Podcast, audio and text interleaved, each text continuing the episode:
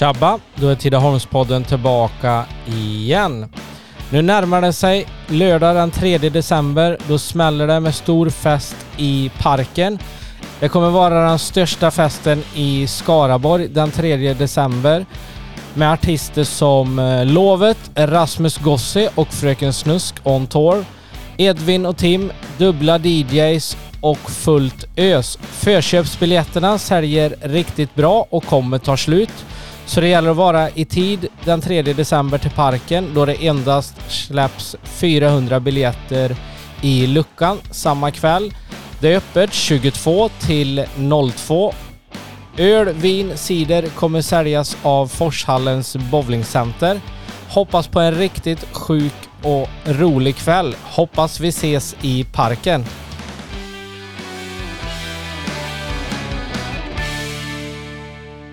Så, då var Tidaholmspodden tillbaka igen och idag är ingen gäst i soffan utan hon finns med på telefonen.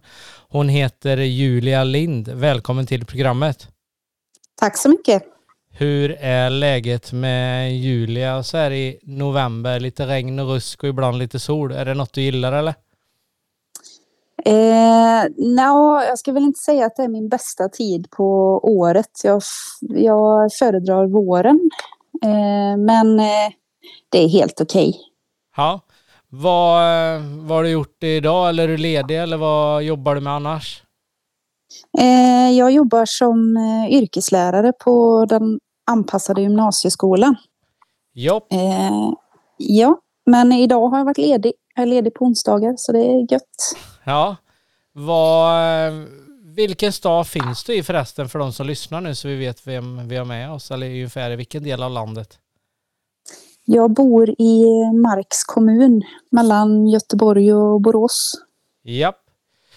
Eh, men vi gör som vi brukar göra Julia, vi hoppar tillbaka lite skoltid och eh, lite uppväxt. Var är du född och uppvuxen? Eh, jag är ju född och uppvuxen ungefär där jag bor nu. Så ja. att jag har inte i Örby. En... Med mamma och pappa och två syskon. Yes. Om vi kollar tillbaka då, skoltid, om vi kollar ettan till sexan, det är rätt stort spann då, men vad, vad tyckte du om att gå till skolan och vad tyckte du om i skolan för olika ämnen på låg och mellanstadiet? Ja, men jag var väl en sån där liten eh, redig tös, eller vad man ska säga. Jag tyckte om skolan väldigt mycket. Tyckte om att lära mig grejer och hade lätt för det mesta. Eh, det var väl egentligen bara idrott som jag aldrig var något fan av. Nej. Var eh, favoritämne som ung då? Var det alla ämnen som var kul eller var det slöjd eller bild eller vad tyckte du liksom då? Mm, nej men estetiska ämnen har jag alltid tyckt om så bilden var ju rolig och musik. Eh, och sen tyckte jag mycket om svenska. Tyckte om att skriva. Ja. Eh, och historia också. Ja, okej. Okay. Om vi tar eh, sjuan, åttan, nian då, får du byta skola då eller finns det i närheten ändå? Eller är det buss som gäller? Eh, ja, buss fick jag åka en mil ungefär. Men eh, när jag började högstadiet så hade de precis byggt eh, högstadie tillsammans med grundskolan, så att, eh, eller med 1 till 6 då.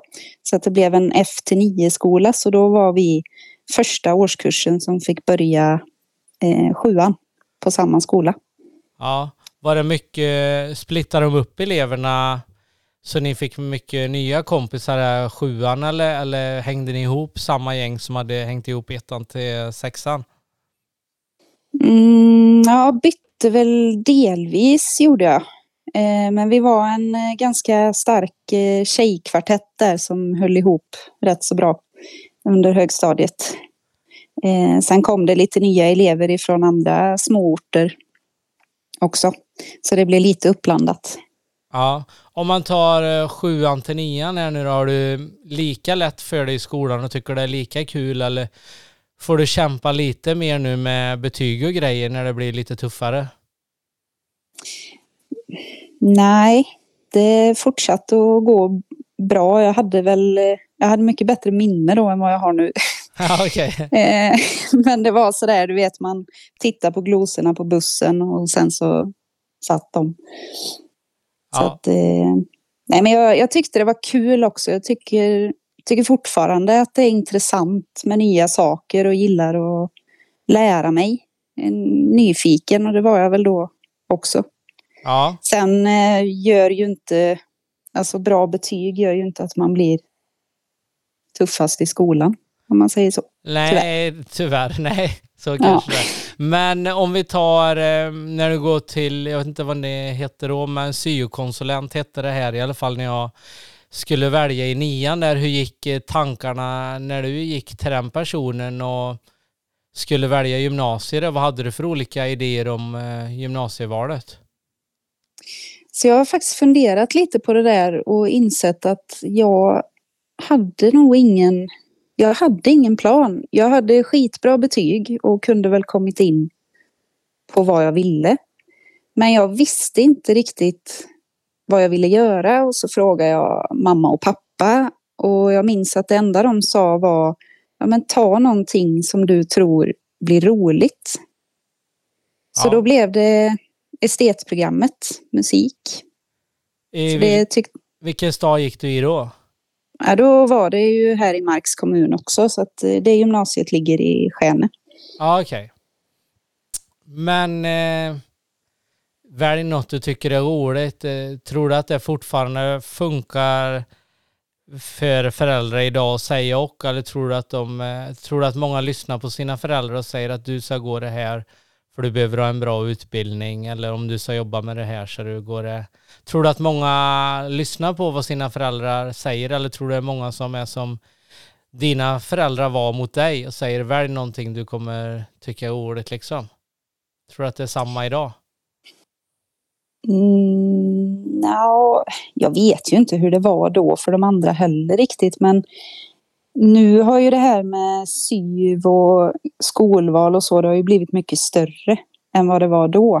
För nu får de ju börja att tänka redan i åttan och gå på möten med studievägledaren och, och sådär. Ehm, och det är väl på gott och ont. Jag tänker att det här med gymnasieval vem vet i åttonde klass vad man vill bli? Nej, så, Eh. så lätt är det inte. Nej, så att det kan ju bli en press också.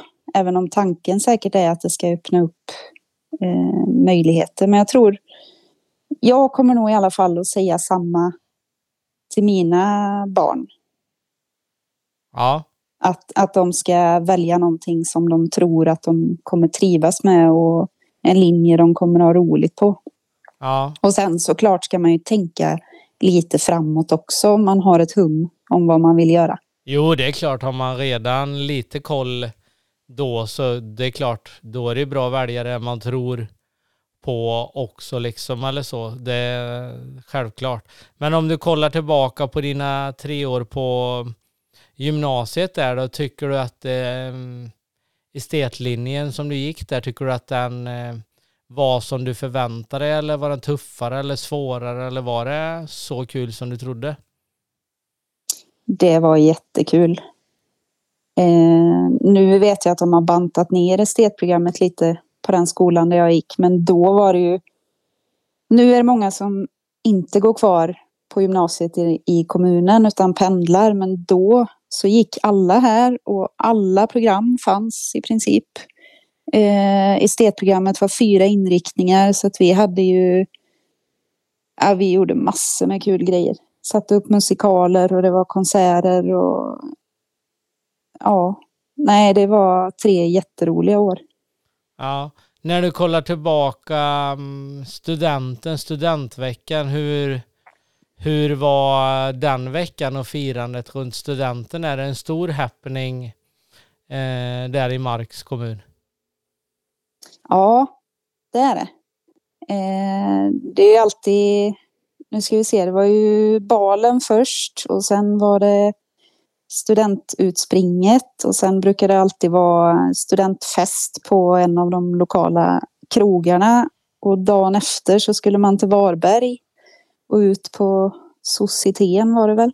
Ja, okej. Okay. Ja. Eh, och så hade vi kanonväder också minns jag, så att det, det var riktigt skoj. Ja. Vad, när du, när du går ur studenten där, har du lika bra betyg? Du sa att du hade bra betyg och kunde ungefär komma in på vad du ville när du slutade nian. Hängde motivation kvar de här tre åren på estetprogrammet? Att du var lika inriktad på att plugga och att det gick bra för dig? Eller kom det in andra eh, fester och killar, andra grejer som var intressantare så skolan fick lite mindre prio de tre åren? Eller kunde du ändå sätta eh. fokus ändå? Det är klart att det dök ju upp mycket annat också. Jag hade ju extrajobb eh, nästan hela gymnasietiden och sprang och jobbade i mataffär efter skolan och så tog man körlektioner och sen var det väl fest och ja, sådana saker. Men så att jag var ju inte, jag var lite mer skoltrött men det blev ändå väldigt bra betyg. Ja. Tog du körkort när du fyllde 18 direkt? Nej, jag gjorde faktiskt inte det. Jag hann bli 19. Ja. Men jag tror att det var... Jag vet inte varför det blev så. Nej. Men minns du din första bil? Ja. Eh, det var en Audi 80 tror jag. Okej. Okay. Grön var den. Pappa hade köpt den till mig och fixat i ordning den. Eh, så att... Eh, ja. Nej, den minns jag. Hur, eh, hur var känslan när du tar körkort? Är det ändå en frihet med tanke på att du bodde där du bodde? En bit ifrån Borås, en bit till Varberg. Var det ändå gött att kunna göra vad du ville och kunna ta dig vad du ville istället för att behöva ta buss hela vägen? Eller hela tiden? Eller bil, ja, ja, det var det ju.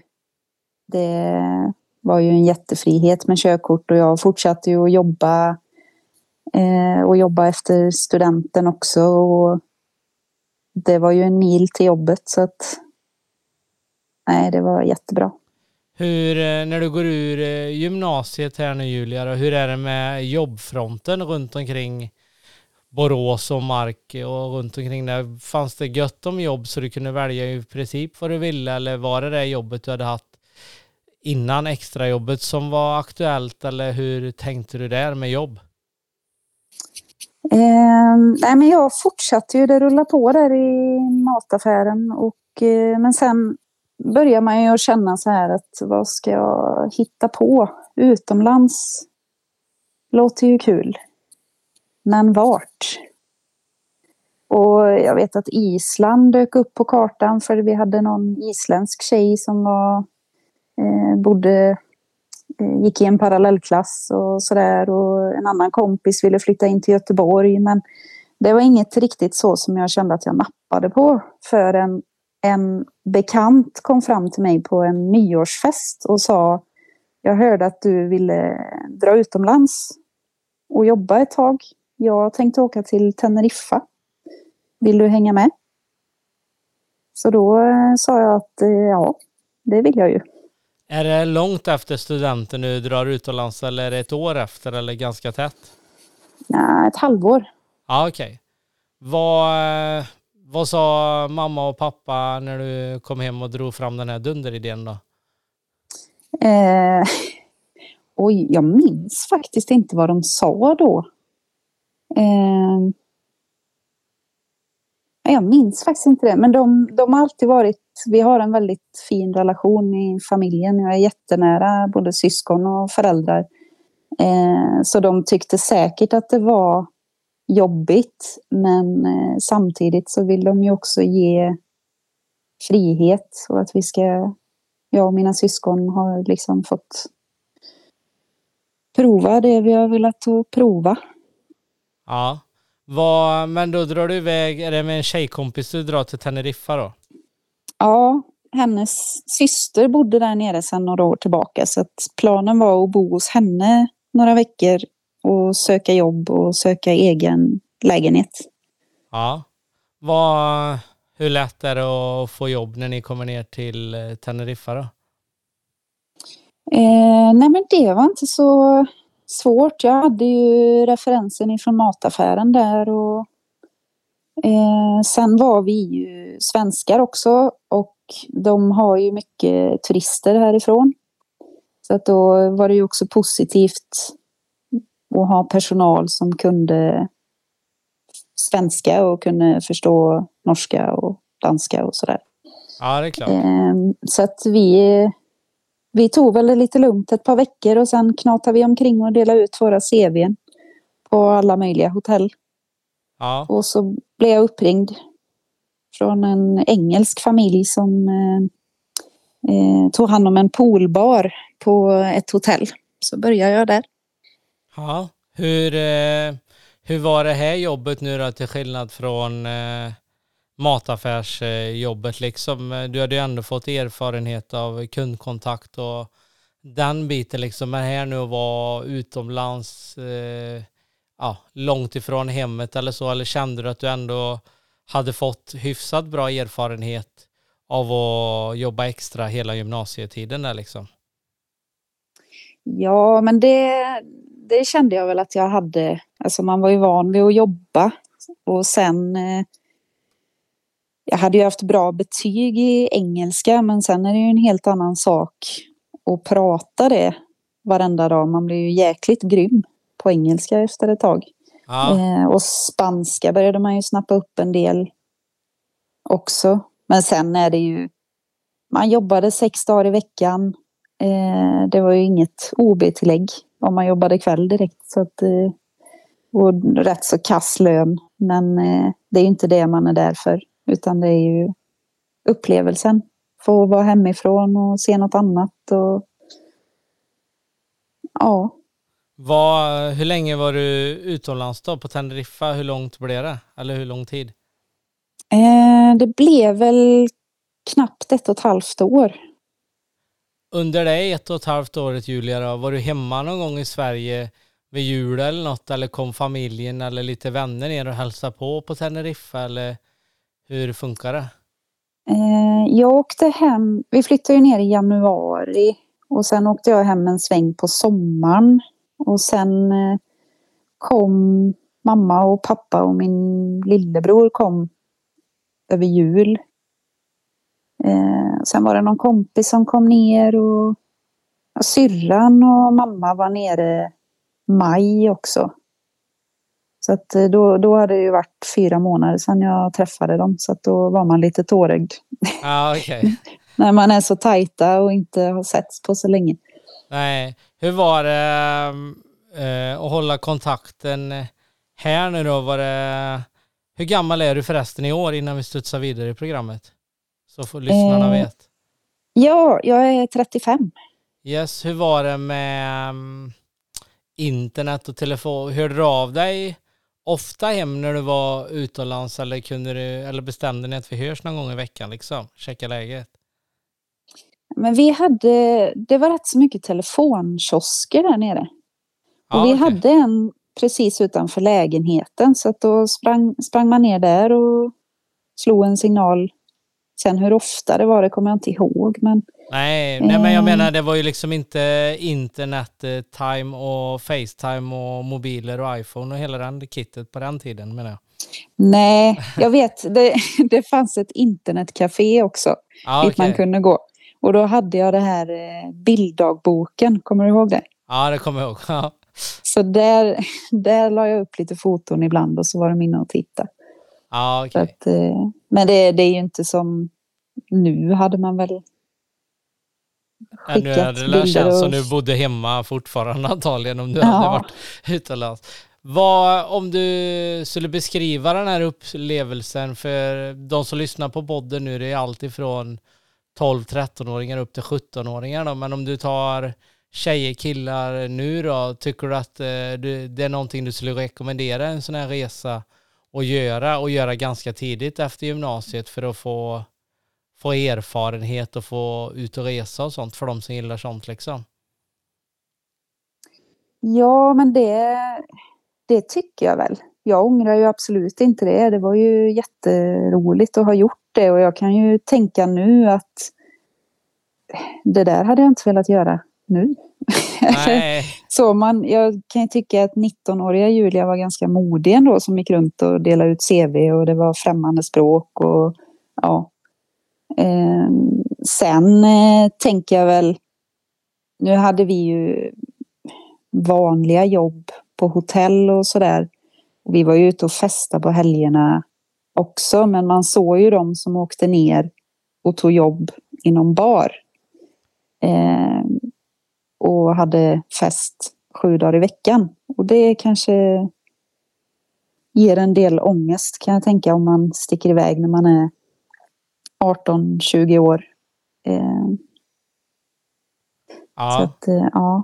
Nej, men det är klart, det är samma där som i Sverige och snarare eh, tvärtom på dem. Eller ja, precis som du säger, jobba på åka utomlands och jobba på hotell eller reception eller vad det nu är än att jobba i bar och party sju dagar i veckan. Det blir nog jobba så ett och ett halvt år, det sliter nog rätt bra på en 19-20-årig tjej och kille. Och liksom och erfarenhetsmässigt så kanske du bara kommer hem med en Antingen har du fått en riktig bartenderutbildning eller också har du fått en låtsas bartenderutbildning och kommer hem med den och den kanske är vatten värd i, i Sverige när du kommer hem och du kanske inte har fått så mycket erfarenhet heller. Mer än att du kanske har haft jättekul eller så. Ja, det kan ju bli lite för kul. Ja, jo, kanske. precis. Ja. Yes. Vad, vi kör en första paus här innan vi studsar vidare och kollar vad som händer vidare i ditt spännande liv.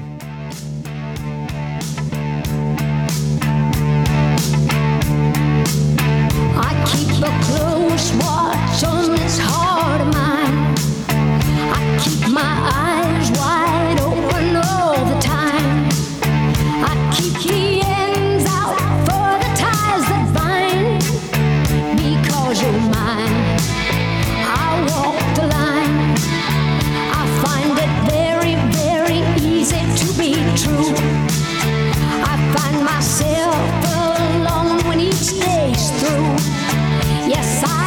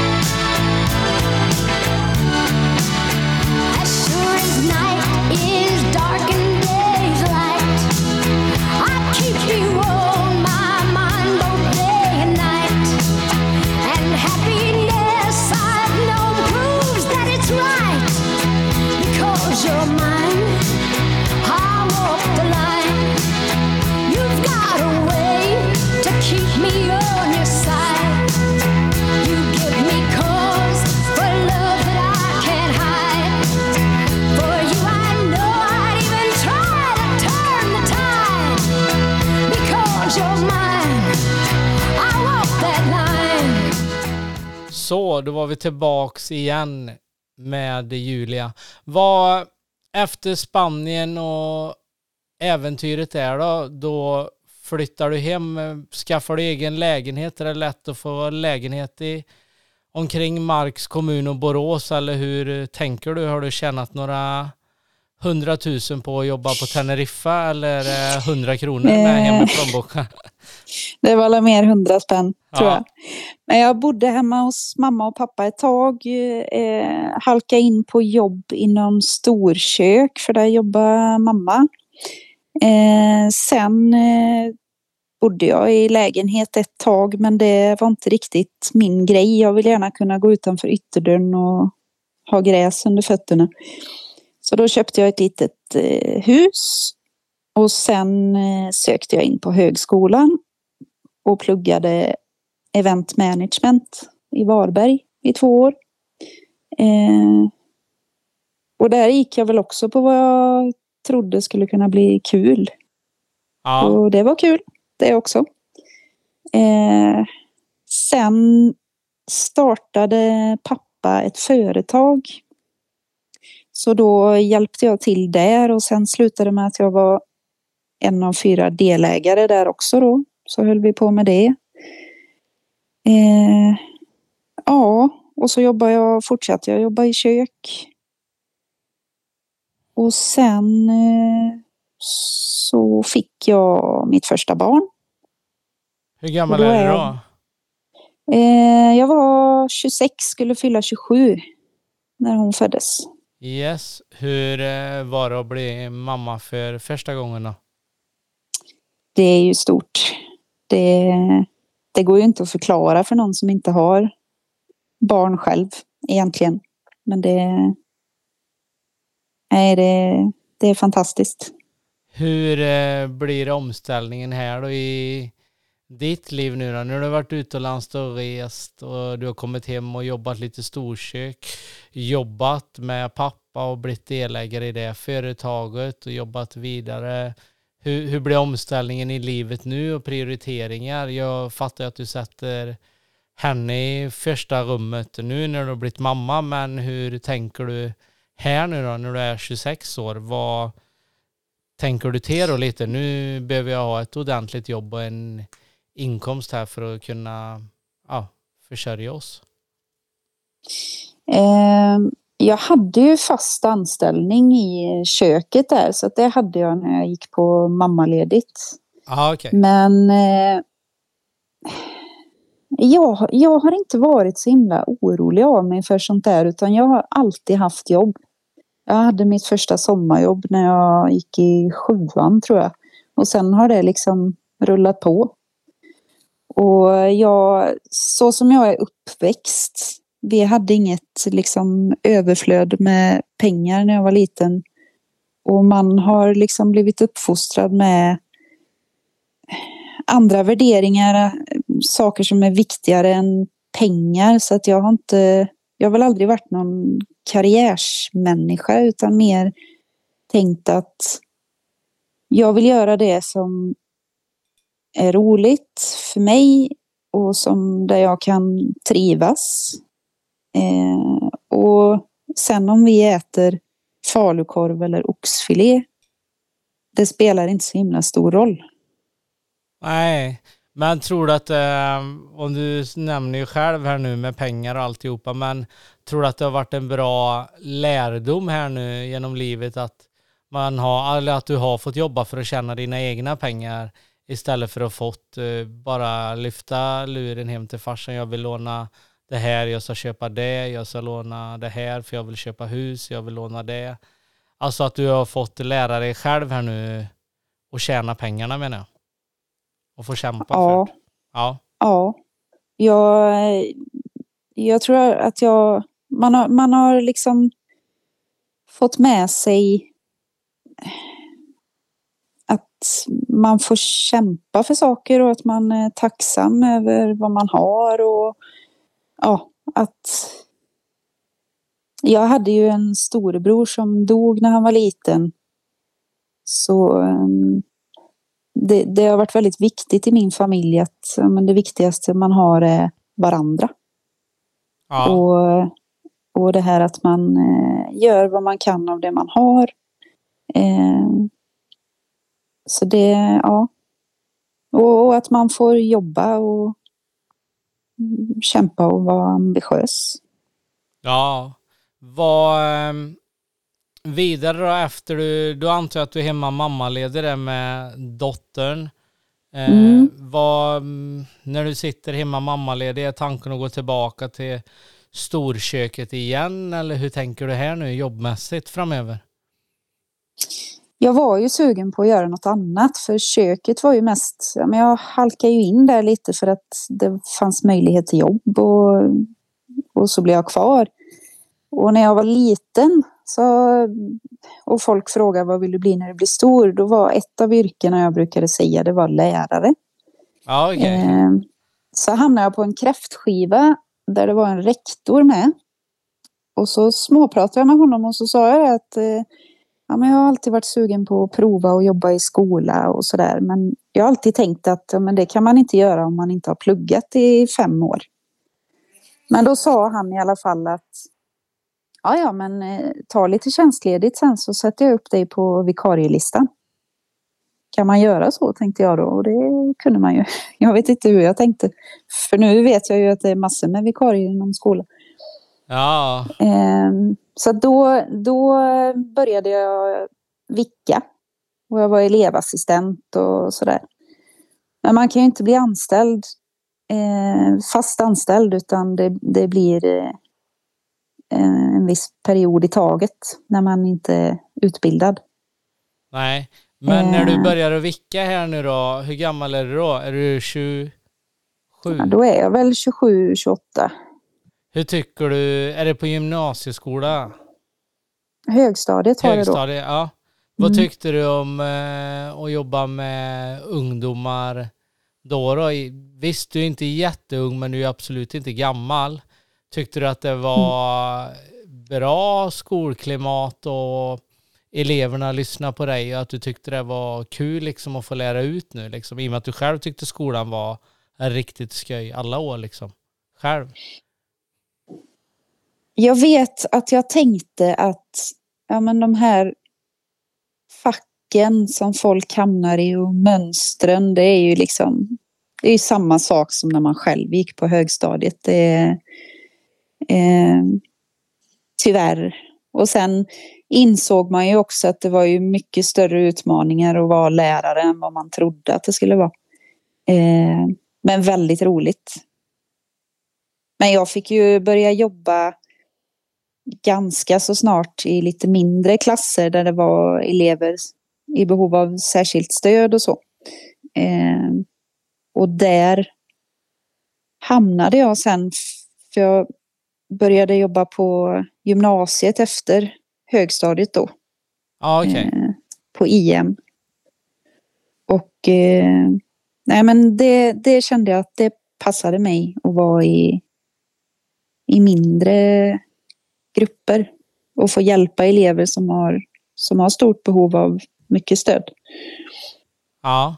Vad, eh, hur länge kan mm. du jobba vidare här nu då utan eh, utbildning då? Ja, man får ju söka om eh, tjänsten och hoppas att det inte är någon med utbildning som söker.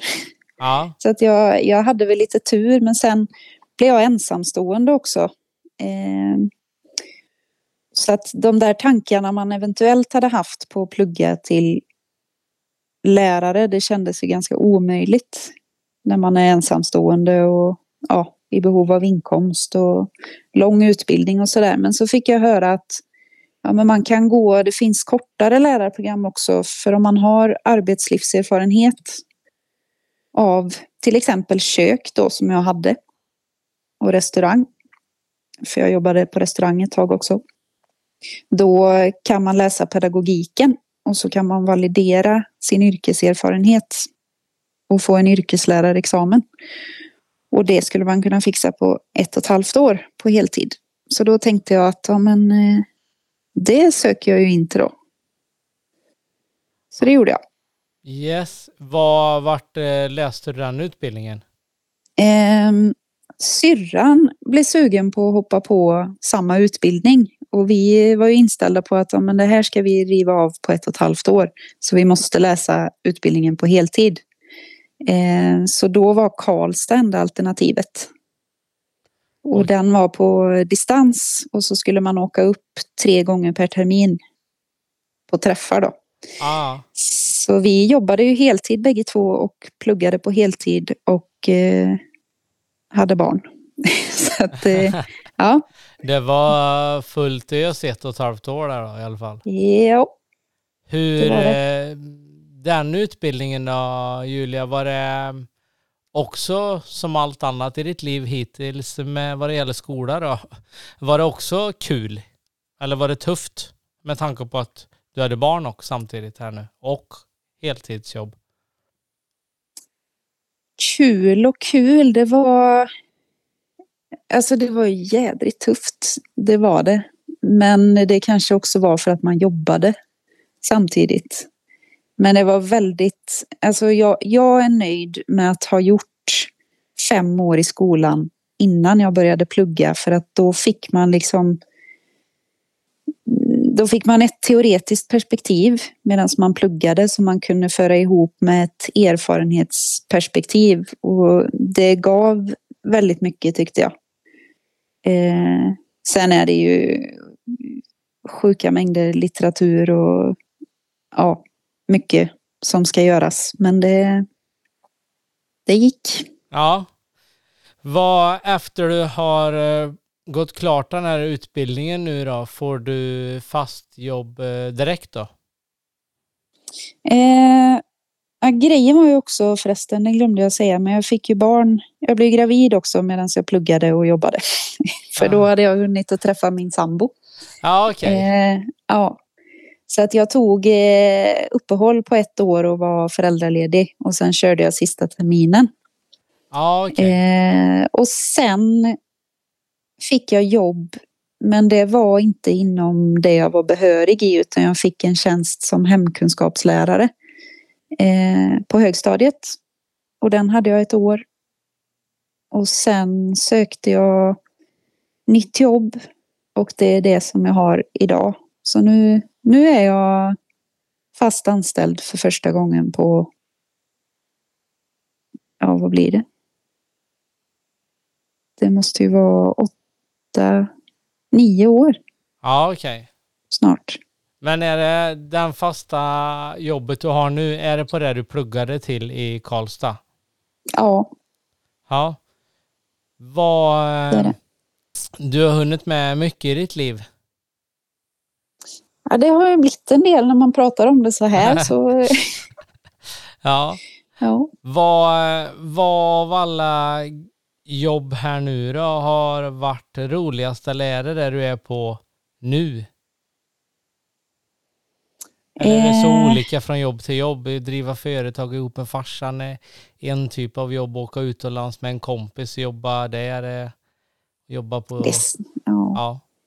det är svårt att säga men jag känner ju där jag är nu så trivs jag väldigt bra. ja. Och jag får faktiskt vara med och hjälpa eleverna att driva företag. För de har sådana här UF-företag. Så det är kul. Ja. Ja, det kan jag tänka mig. Sen är jag ju, alltså jag, jag gillar ju min fritid också. Eller där hittar man ju också på mycket kul som betyder mycket för en, förutom jobbet. Ja, vi ska ta en paus här nu igen innan vi kör eh, just eh, fritid och eh, vad du gör på din fritid. Så vi kör en låt här igen.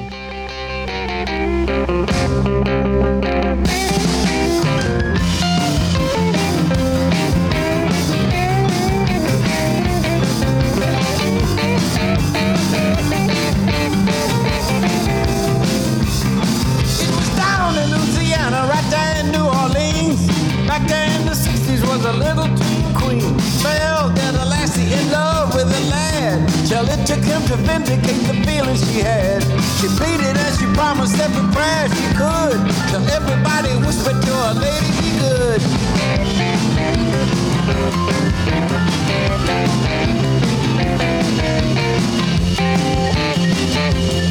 She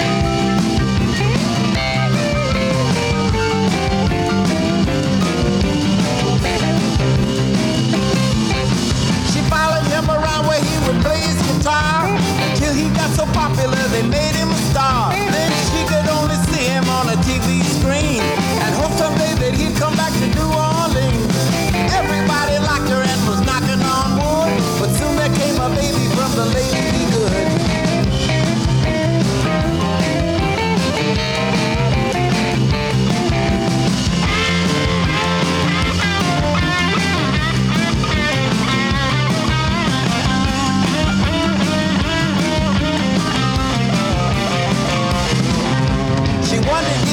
Ever coming back someday.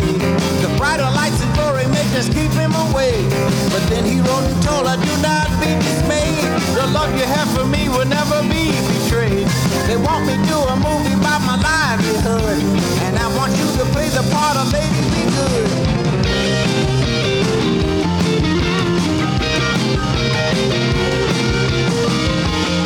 She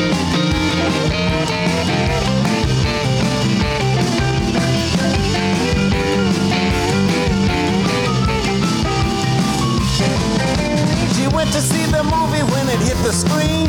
Babysitting Johnny Jr. down in New Orleans. Saw his daddy sing a song he heard in school.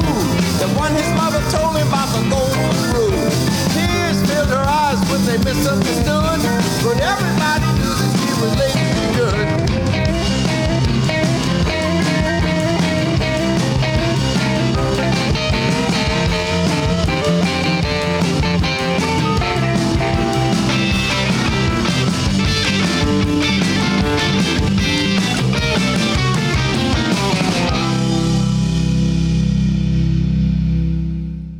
Så, då var vi tillbaks igen och nu ska vi studsa in på fritidsintressen då. Julia, vad, vad tycker du om att göra på fritiden när du är ledig?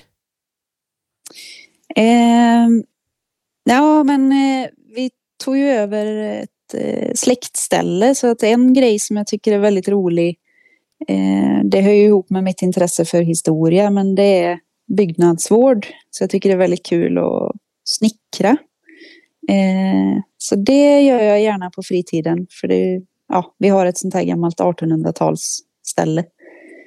Eh, och sen är det ju musik fortfarande tycker jag är kul.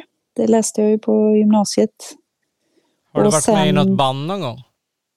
Ja, lite trubadurspelningar sådär och lite musik, eh, livemusikquiz och så. Men eh, sen kom ju pandemin och sen har det varit småbarn så att eh, det var ett tag sedan nu. Ja, okej. Eh, nej, och sen är det ju veteranbilar då, såklart. Yes, det var ju egentligen därför eh, jag ville ha med dig i podden angående just bilar och bilintresse och att du är tjej. Eh, Dickless Drivers, jag läste om det. Jag tror jag tog kontakt med dig första gången om det var i somras och vi pratade om att spela in en podd. Eh, vad, vad är Dickless Driver, som du berättar för lyssnarna? Eh, det är en bilklubb för tjejer med eh, bilar som är tillverkade före 1964. Som eh, jag startade upp ihop med en kompis. Yes. Eh, Vad, va, varför startar ni upp den och hur kommer ni på idén? nej, men det har väl... Jag har haft med mig bilintresset sedan jag var liten. Farsan har alltid haft eh, bil och motorcykel och sådär. Och, eh, ja, han byggde en liten minimoppe som vi fräste runt i skogen på när man var liten. Och vi åkte på bilträffar. Och, eh, jag hade som sommarjobb ett par somrar att jag och pappa då, vi åkte på bilträffar och sålde stålkammar som jag satt och graverade. Och, ja, det, det har alltid funnits där. Farfar har, har också bilar. Och, så jag ville ju köpa en egen bil. Eh, kände jag när jag gick i sjuan, åttan. Någon gång. Och eh, det gjorde jag när jag var 25. Köpte jag en Cadillac från 61.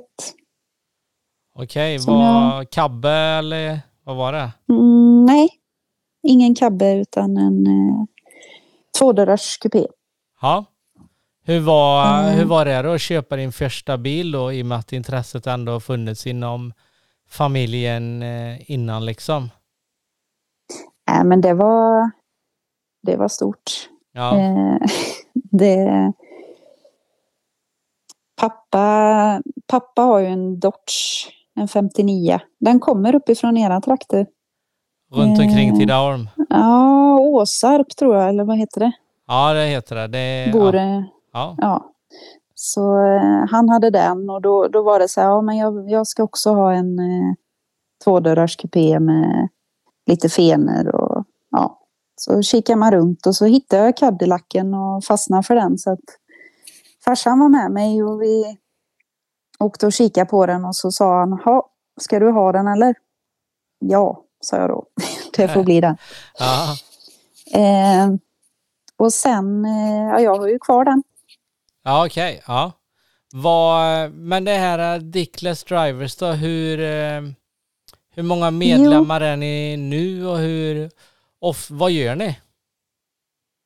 Eh, vi är ju inte så många. Vi är ju två i Sverige och två i en systerklubb då som vi har i USA.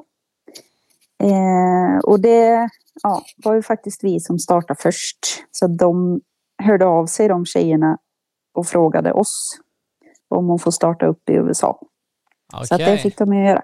Allt bra kommer inte Eh, från USA, så en del nej. grejer kommer från Sverige. Okej. Precis. Ja. Min, sam, min sambo är ju med i en bilklubb också då för, för män. Eh, och den startade ju i USA så att jag brukar reta honom lite och säga det att eh, ja, du har ju fått importera din klubb men somliga de exporterar ju.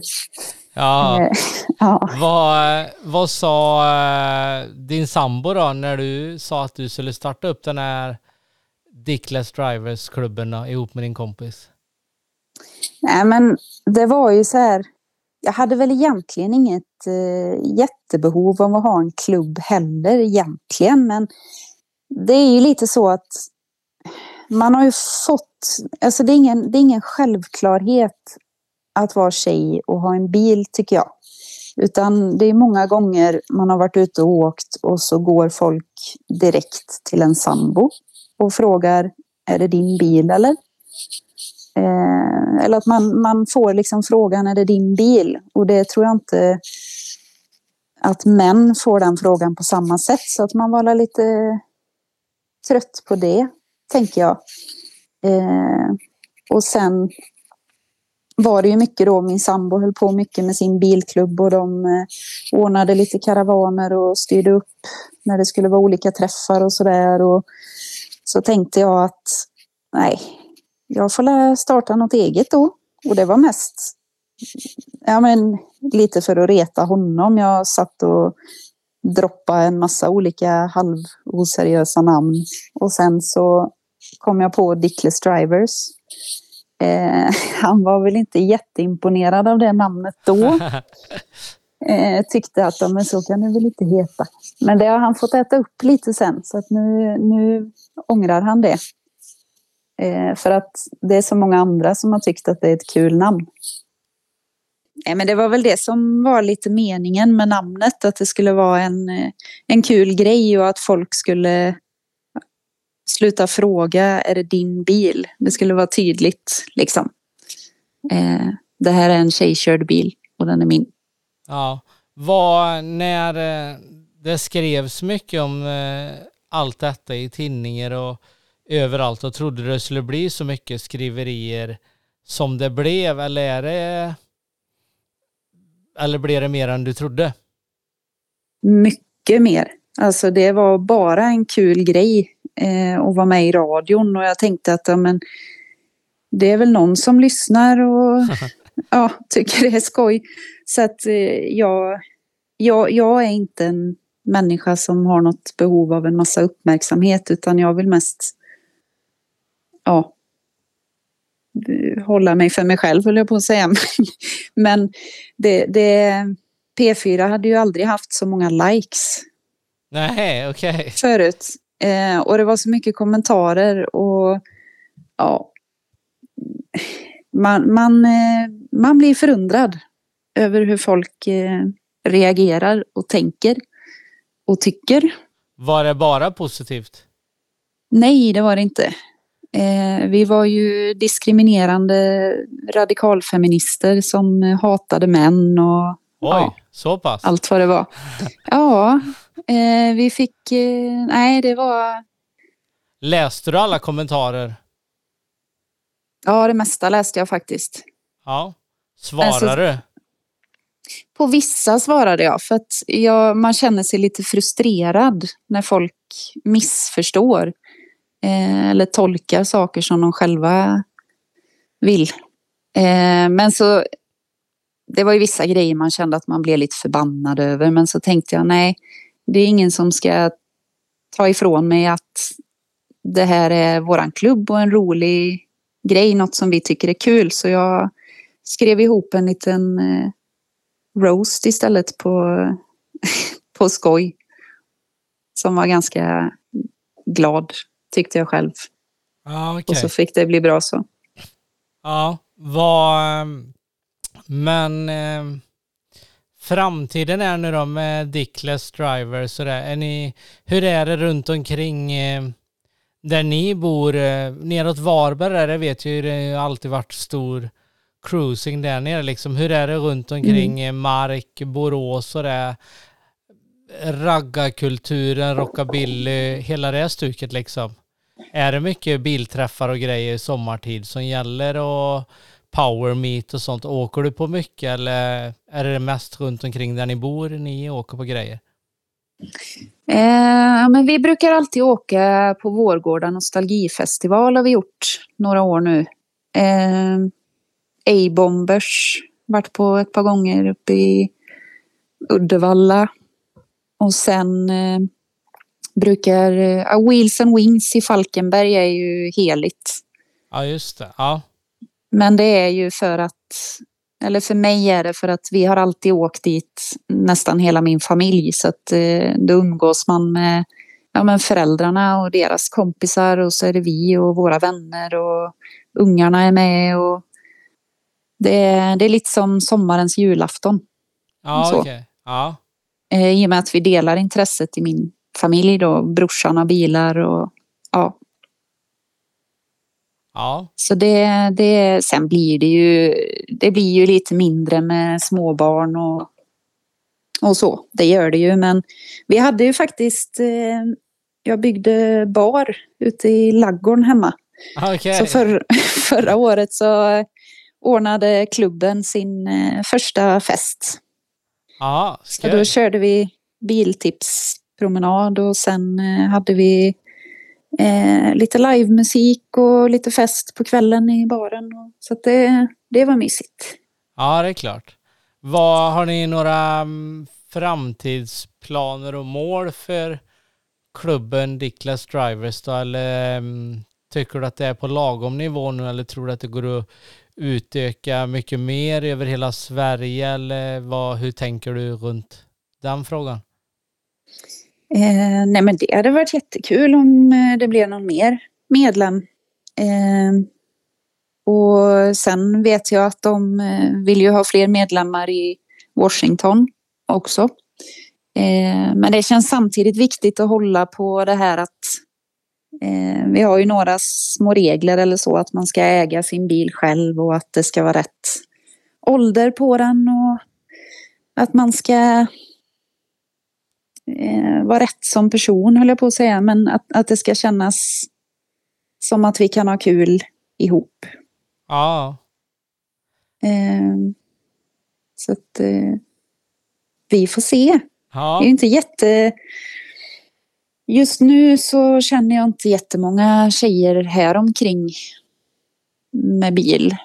Nej, Men, jag tänker eh, att jag ska bjuda hit dig till eh, Tidaholmscruisingen eh, som är ja. första helgen i maj och sen är den i augusti där så då lovar jag att jag vet rätt många tjejer i Tidaholm som äger sina egna bilar. Sen är bara frågan om årsmodellen är rätt i alla fall. Ja. Men eh, det är ändå, kul. cruising är ändå kul och det är extra kul att se tjejer som har sina egna bilar och lite just det du säger och då är, jag kan ju också tänka mig att de får frågan ofta och om de bara är chaufförer eller är det din mm. bil eller vad det nu är liksom och så är det med mm, allt ändrar ju sig liksom oavsett eh, vad det är. Tjejer kan jobba som eh, brandmän och alltihopa så det finns ingen som säger att någon kör bil sämre eller äger eller sköter om en bil sämre för den är tjej liksom. Det är rätt eh, meningslös mm. diskussion mm. att dra överhuvudtaget.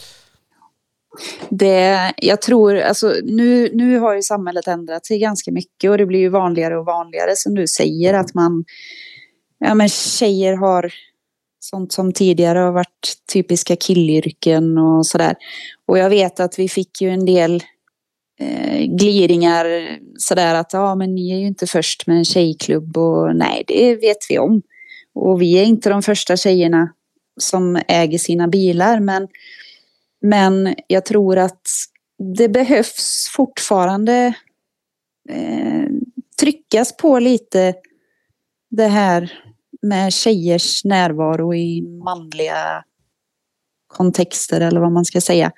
För jag har pratat med bekanta som har dratt exempel ifrån andra, ja, men till exempel inom jaktlag eller ja, att de känner att de lätt blir förbisedda.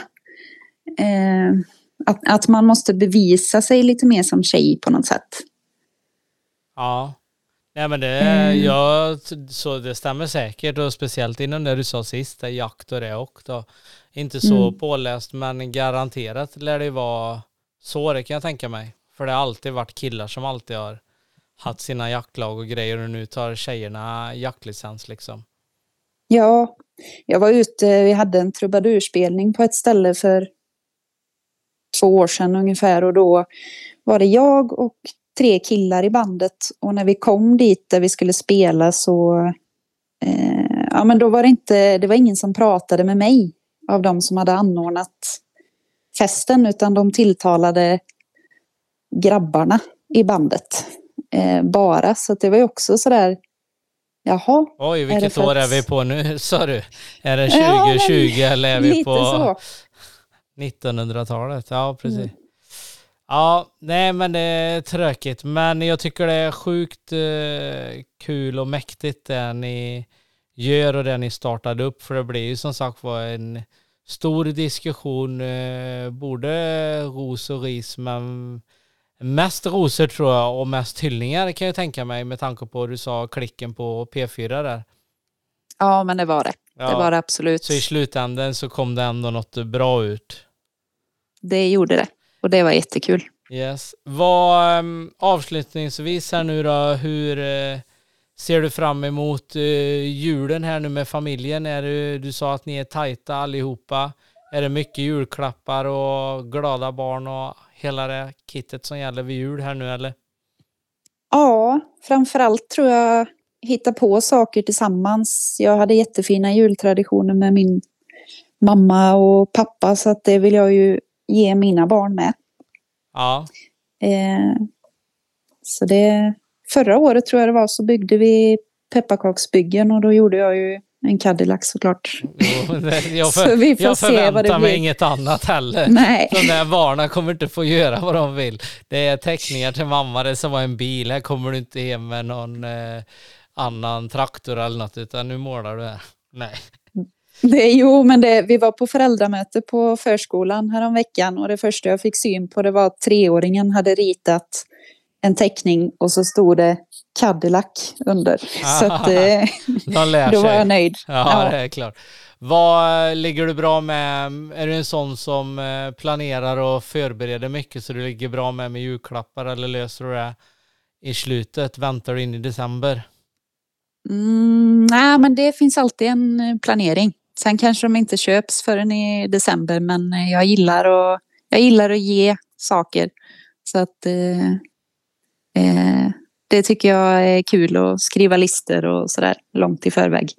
Ja.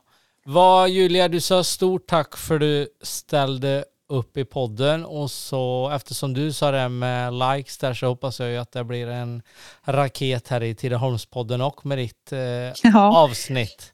Så får vi se framöver om du dyker upp eh, någon gång med bilen i Tidaholm så får vi göra lite mer reklam då så kanske det kommer fram lite tjejer och även killar och snacka med dig när du är här i så fall. ja det vore kul. Yes, men tack för att du ställde upp i podden. Tack ska du ha, det var riktigt trevligt.